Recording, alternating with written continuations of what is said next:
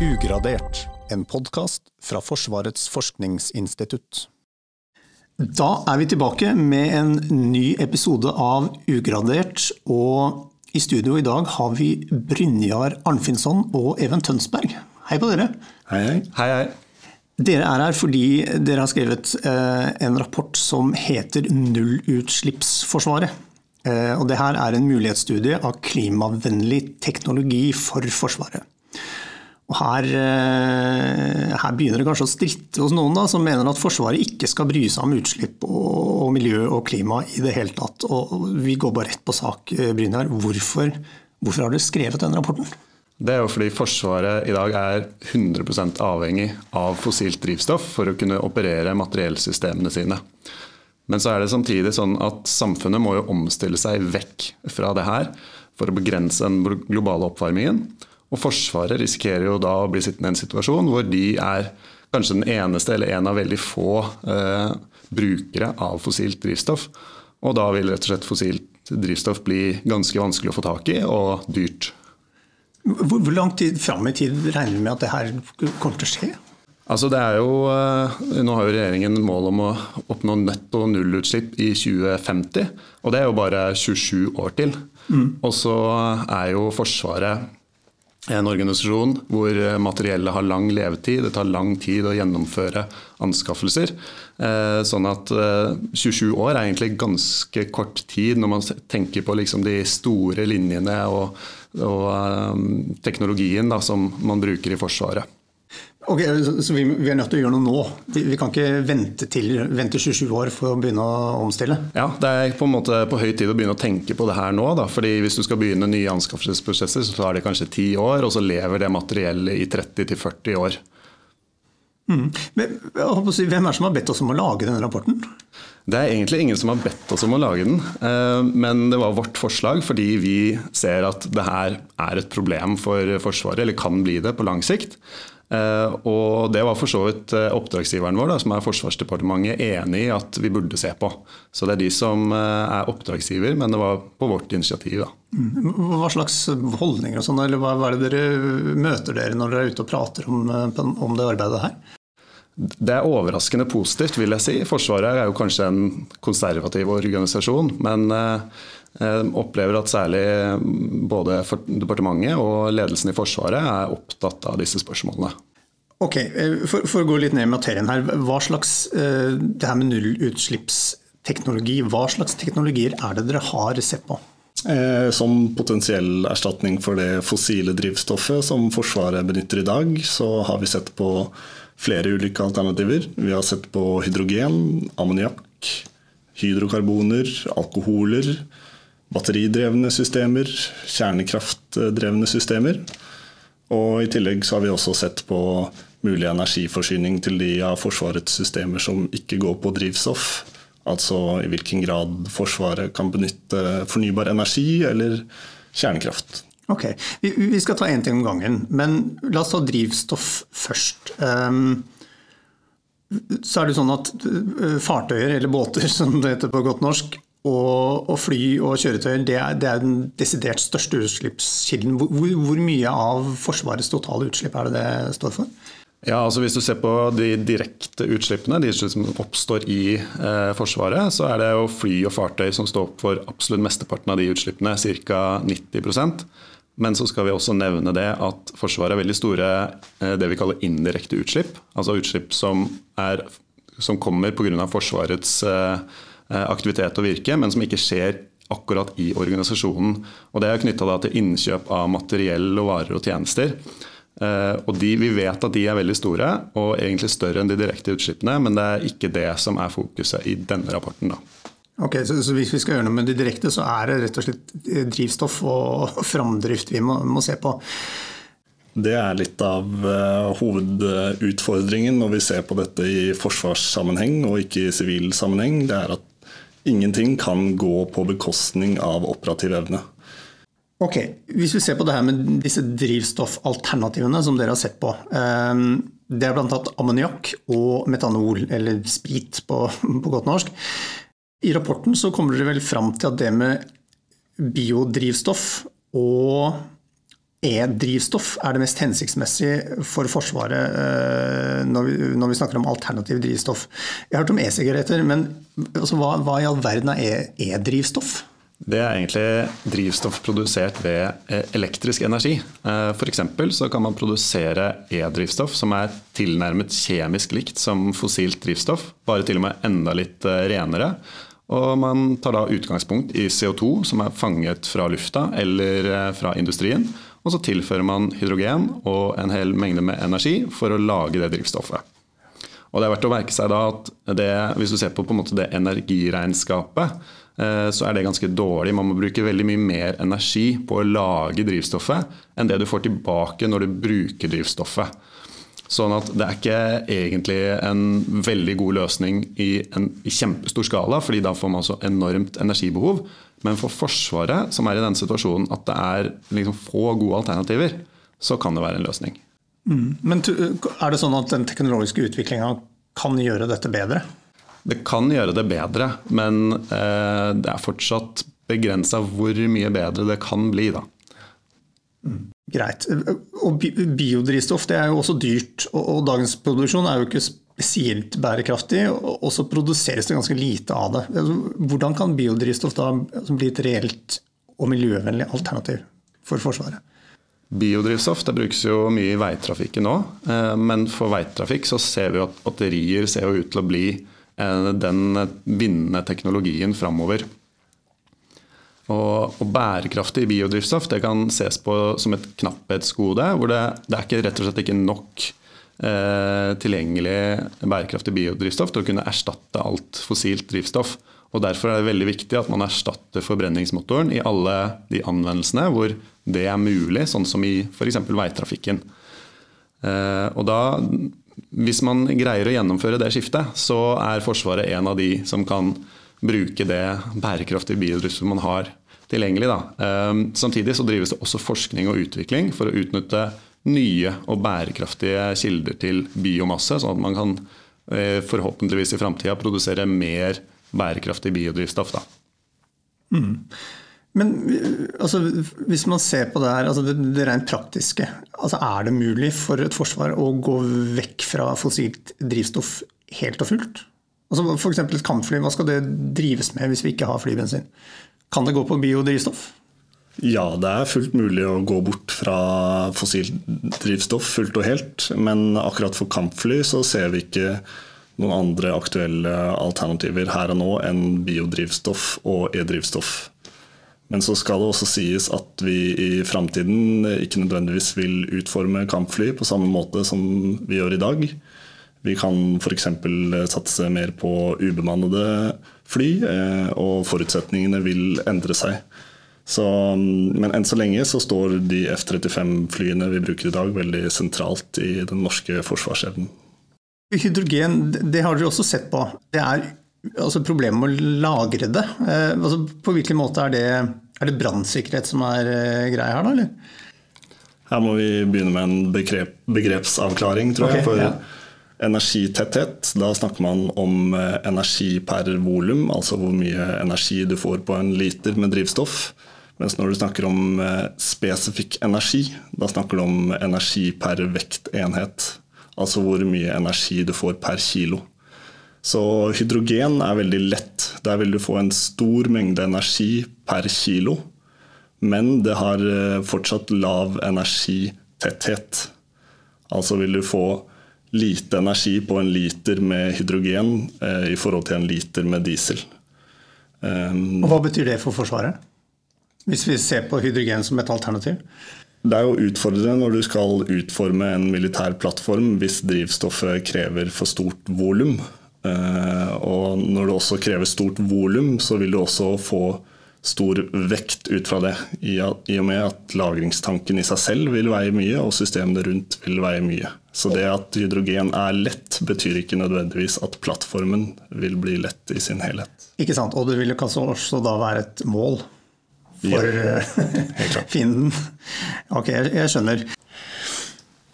Eh, men Bryna, hvis vi tar høyde for teknologisk utvikling eh, Det er jo visse faremomenter i dag, men er hydrogen helt utelukka i framtida?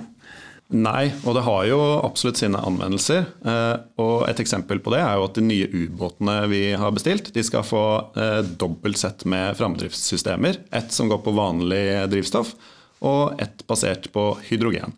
Eh, og Det er jo ikke fordi fartøyet skal være mer miljøvennlig, men det er fordi hydrogen muliggjør det som kalles air independent propulsion, eller luftuavhengig fremdrift, som gjør at ubåtene kan være neddykka Eh, og holde, holde seg skjult over lengre tid.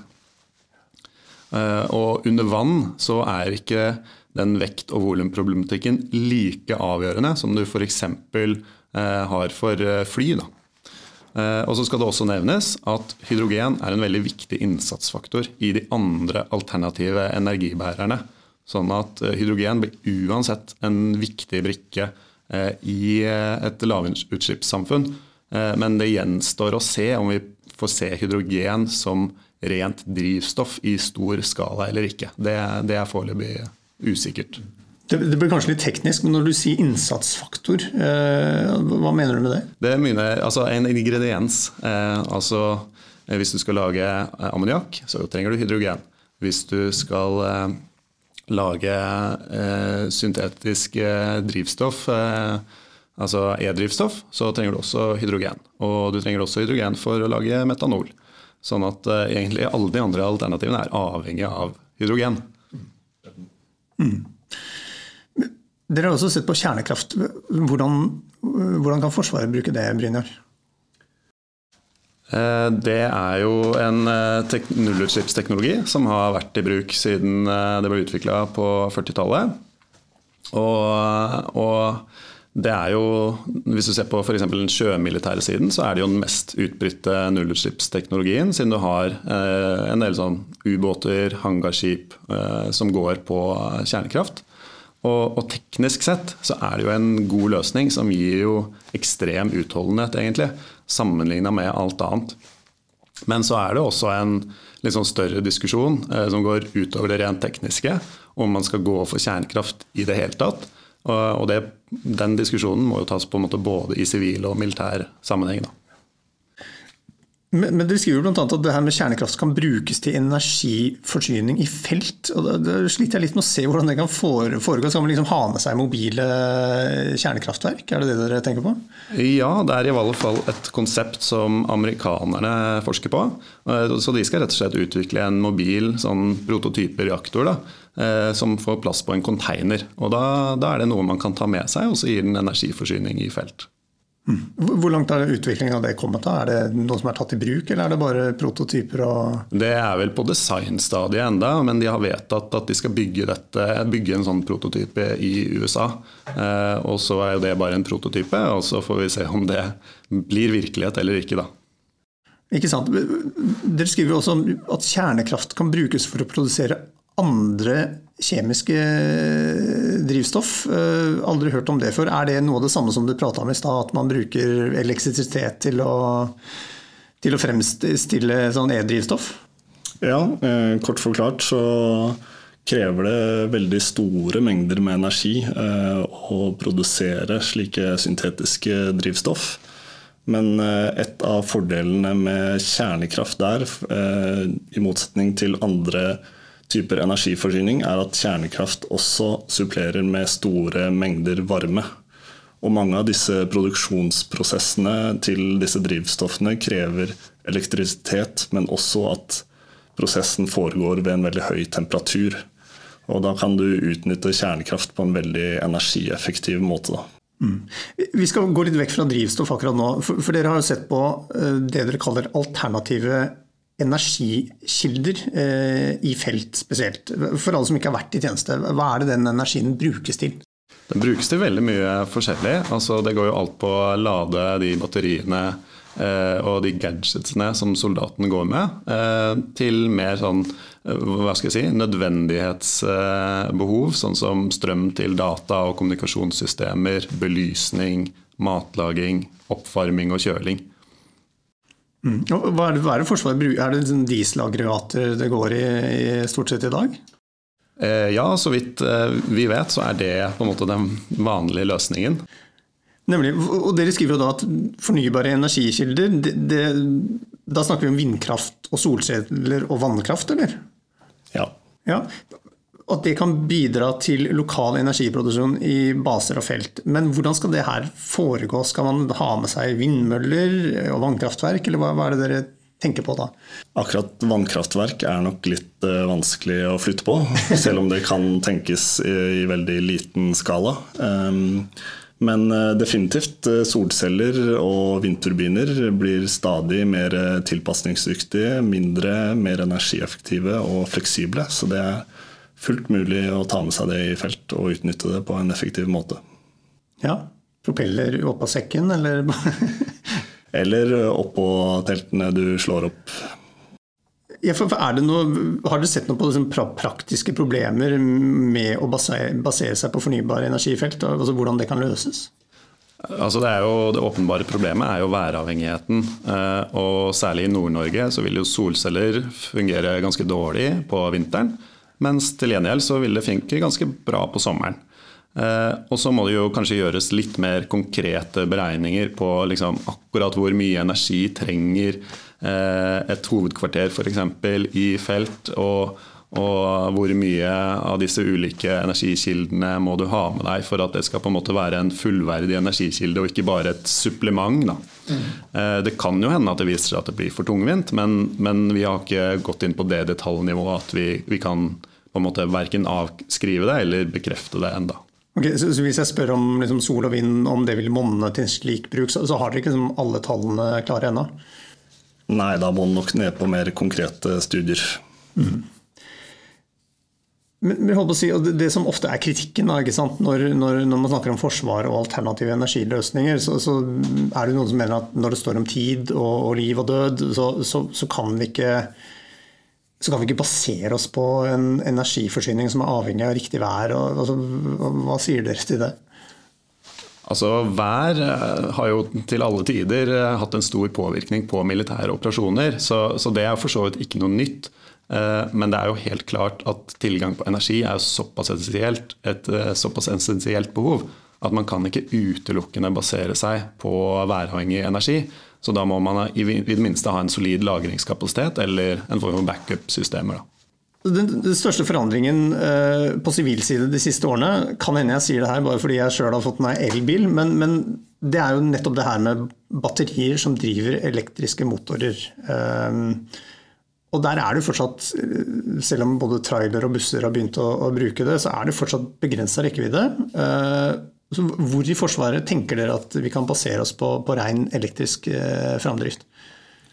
Eh, administrative kjøretøyer er en åpenbar eh, kandidat. Det er sjelden at man har behov for å kjøre veldig lange strekk uten stopp, selv i Forsvaret. Et godt eksempel er eh, små droner som de bruker i Forsvaret. Og dette blir jo en stadig viktigere del av militære operasjoner. Det har vi sett i Ukraina f.eks. Eh, og vi kommer nok til å se at eh, flere og etter hvert større droner eh, som går på batteri. Så sivile, eller på en måte administrative kjøretøy og droner. Men, men altså, det, det, går jo stadig framover med batteriteknologi og, og, lagringskapasitet. Kan vi se for oss fly eller andre større farkoster som går på strøm? Eh, da beveger vi oss nok over på hybride løsninger. Eh, hvor, hvor, ok, hybride løsninger, hvor tenker dere at det er aktuelt? Det kan være aktuelt på det vi kaller stridskjøretøyer, altså tanks og den type ting. Eh, og, og fartøy er også gode kandidater til det. Og det er jo både fordi det kan redusere utslipp, men også driftskostnader. Og så kan det samtidig gi noen operative eh, fordeler, sånn at du kan gå i stillegående modus når det er nødvendig. Um, også for fartøy har du også noe som kalles dynamisk posisjonering. altså Du prøver å holde konstant eh, posisjon mens du blir påvirket av bølger og vind og strømninger, som er ganske um, krevende å, drive med for en eh, vanlig motor, som kan bli mer effektivt med batteri. Greit. Nå har vi vært gjennom veldig mye. Jeg, tenker at vi skal prøve å oppsummere litt. Eh, fordi selv om mye er usikkert, så har jo dere faktisk kommet med en god del anbefalinger til Forsvaret og forsvarssektoren. Eh, Og annet så anbefaler dere at forsvarssektoren iverksetter mer forskning, utvikling og eksperimentering med bærekraftig biodrivstoff og e-drivstoff. Og da lurer jeg på, Er det ikke allerede veldig mange som forsker og utvikler det her? På sivil side så er det jo mye aktivitet på det her. Eh, og også noen andre land har også kommet godt i gang med det her på militær side. Men særlig når det er snakk om e-drivstoff, så, så er man ganske i startgropa fortsatt. Og, og det, er, måte, det, er, ganske lang, mye jobb og en lang vei å gå eh, fra det som er en teoretisk god løsning, som egentlig er det vi peker på her, til du har et produkt som er på en måte ferdig dokumentert og godkjent for bruk. Så, så det, da tenker dere at det er lurt at uh, Forsvaret tester det sjøl istedenfor å sitte og vente på sivile løsninger? Ja. ja. Hvorfor det? Da beveger du deg fort inn på dette spørsmålet med operativ evne. Eh, det er et hensyn som sivil sektor ikke nødvendigvis trenger å ta i en like stor grad. Du kan bruke elbilen som et eksempel. Der er den vanlige nordmann fullt villig til å si fra seg litt rekkevidde eh, mot at han får lavere kostnader og andre fordeler. Eh, mens i forsvarssammenheng så er det den operative evnen, altså evnen til å løse oppdrag og gjennomføre operasjoner, som kommer foran alt. Mm. Og da må vi teste det sjøl. Ja. ja. Det, hvis ikke risikerer du at sivil sektor utvikler en løsning som ikke er tilpassa eh, Forsvaret sine behov. Anbefaling nummer to det er at eh, Forsvaret, eller Norge som nasjon, vurderer egne produksjonsanlegg for biodrivstoff og e-drivstoff for å sikre egne forsyninger. Men hvor er det vi får biodrivstoff fra i dag? Mye av det som kalles for avansert biodrivstoff, eh, som brukes i dag, det er jo slakteriavfall fra USA. Eh, og så er det jo også Biodrivstoff er jo et kontroversielt tema, og en del i miljøbevegelsen som muligens med rette er kritisk til om det er særlig bærekraftig. Eh, men det vi kan si er at det er i hvert fall ikke optimalt for egen forsyningssikkerhet. At vi får det fra andre? Ja. Vi har ingen eller svært liten produksjon av eh, egen biodrivstoff. Mm. Men i Norge, da? Du nevnte slakteravfall, det var faktisk nytt for meg. Men hva kan råmaterialet for, for norsk biodrivstoff være? Det kan være veldig mye forskjellig. Eh, det kan være alt fra tang til eh, ja, mat- og slakteriavfall, til skogavfall, jordbruksavfall og mer mer. Og råd nummer tre det er at Forsvaret vurderer både kjernefysisk framdrift og dual fuel-framdrift i arbeidet med ny overflatestruktur. Og da, da må du først forklare liksom, hva er overflatestruktur? Eh, altså nå pågår det jo et stort arbeid med å, å planlegge og oppdatere vår eh, overflatestruktur, eller vår fartøystruktur. Da. Vi har jo i dag Fridtjof Nansen-klasse fregatter, og vi har noen Skjold-klasse korvetter. Og, og, og, disse mm, faller for levetid, eller skal erstattes eh, i løpet av eh, noen år, eh, noen år fram i tid fortsatt. Så da er, jo dette en gyllen mulighet da, for å se på eh, hvordan man kan bruke ny teknologi for å redusere utslippene fra fartøyene. fordi vi, som jeg nevnte innledningsvis, så er fartøyene en av de største utslippskildene i Forsvaret. Mm. Når man snakker om liksom, eh, kjernefysisk framdrift, så trodde jeg at det var snakk om veldig store fartøyer. Ja, eh, og det er jo i hvert fall det som har vært mest vanlig sånn eh, typisk. Men det kommer jo også da an på hvilke, slags, hvordan den fartøystrukturen kommer til å se. opp. Kommer det til å være store fartøy, eller kommer det bare til å være Eh, et større volum av mindre fartøyer. og Det vet vi jo ikke, og det vil jo påvirke om kjernefysisk framdrift i det hele tatt er aktuelt. Og så vil man jo også måtte vurdere tid, kostnader og alt mulig sånt. Eh, så det vi sier er at det burde være en del noe man vurderer, eh, men det er ikke sikkert det er den riktige løsningen. Mm.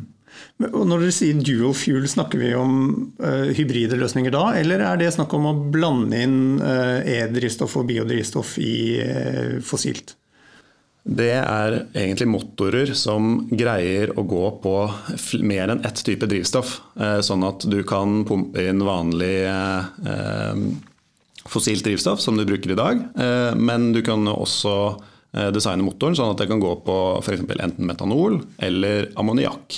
Og da har du en større fleksibilitet for framtidens drivstoff. Ok, Råd nummer fire det går på at dere anbefaler en grundigere utredning av militær bruk av kjernekraft. Som inkluderer tekniske og samfunnsmessige og sikkerhetspolitiske forhold. Hva vil det si? Ja, I denne rapporten har vi konsentrert oss om de teknologiske mulighetene. Eh, og kjernekraft er en av, en av disse. Men det er andre forhold som eh, folk med annen kompetanse enn oss også må vurdere før man kan konkludere om dette er en vei å gå for Forsvaret. Dette er også i høyeste grad et eh, politisk spørsmål. Ikke sant. Eh, råd fem. Utvikle konsepter og gjennomføre forsøk med fornybar energiforsyning i felt. Hva, hva mener dere om utvikle konsepter for fornybar energiforsyning? Da mener vi å se på mulige sammensetninger av energikilder og typer energilagring for å se hva som kan fungere godt sammen og gi god forsyningssikkerhet for Forsvaret. Og for at vi skal løse de praktiske problemene som vil være der, så er vi nødt til å utvikle konsepter og faktisk teste det ut. Aller siste rådet dere gir, er å satse mer på batteriteknologi. Eh, og særlig det her med batterihybridisering. Eh, bruke det i nytt materiell og for energilagring i felt. Dere har jo snakket litt om det, men eh, gi et eksempel på noe som i dag er fossilt drevet, som du mener kan batterihybridiseres. F.eks. stridsvogner som CV90, mm, samt mange av Forsvaret sine fartøy på sjøen er veldig gode kandidater. Noe av det som kan være den største fordelen med hybridisering, eh, er dette med at det reduserer eh, signaturen til plattformen. Altså at det blir eh, vanskeligere for fienden å se eller høre plattformen dersom den har muligheten til å operere batteridrevet. Signatur, da tenker du både på lyd, men også varmeutstråling? Ja, eh, det finnes mange ulike måter du kan se eller høre eller detektere en eh, plattform. Og hybridisering gir deg da muligheten til å gjøre det i hvert fall et hakk vanskeligere for motstanderen. I tillegg så kan jo også eh, elmotorer gi deg en kortvarig effektboost når du trenger å komme deg ut av en litt kinkig situasjon. Ikke sant, For da, den gir mer kraft raskere. Ja. ja. Ok, I, I, rapporten så stiller jo dere spørsmålet skal Forsvaret vente på resten av samfunnet eller innta en proaktiv holdning og være med på å påvirke når og hvordan endringene skjer. Og, og Basert på disse rådene som dere har snakka med nå, så, så, kan vi vel slå fast at dere mener det siste, at Forsvaret bør være med og, påvirke eh, når og hvordan eh, endringene skjer. Men, men helt avslutningsvis, Brynar.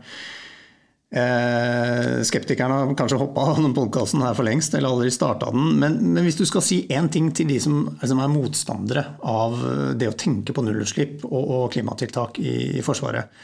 Hvorfor skal Forsvaret ta en akt, sånn aktiv rolle som dere anbefaler? Det er jo fordi Forsvaret risikerer å sitte igjen eh, som én eller en av veldig få brukere av fossilt drivstoff. Og, det innebærer en veldig stor risiko for uh, Forsvarets operative evne i, i, i framtida. Og det stilles jo høye krav til operativ evne og fysisk ytelse eh, i Forsvaret, så det er kanskje litt vanskeligere å erstatte fossilt drivstoff i Forsvaret enn i en del øvrige samfunnssektorer. Og, og nettopp derfor er det jo viktig at Forsvaret er med som en premissleverandør, sånn at Forsvarets behov Eh, også eh, spiller en rolle i hvordan vi utformer dette nullutslippssamfunnet. Hvordan håper dere at dette kommer til å bli fulgt opp? Vi håper jo at anbefalingene fører til at man setter i gang disse aktivitetene vi foreslår. At det får en større rolle i langtidsplanlegging og anskaffelsesprosjekter. Hvordan man skal håndtere drivstoff, klima og miljø i, i framtiden. Altså tar rapporten opp et tema som vekker stort engasjement hos mange. Så jeg håper at den kan være inspirerende og oppklarende, og at det legger grunnlag for en saklig debatt rundt framtidens forsvar. Ja. Eh, saklig debatt om klima kan jo være utfordrende nok i seg selv. Eh, det her ble en eh, middels lang, men forhåpentlig oppklarende prat om klima, forsvar og teknologi. Vi er tilbake med en ny podkast senest om to uker. Takk for i dag.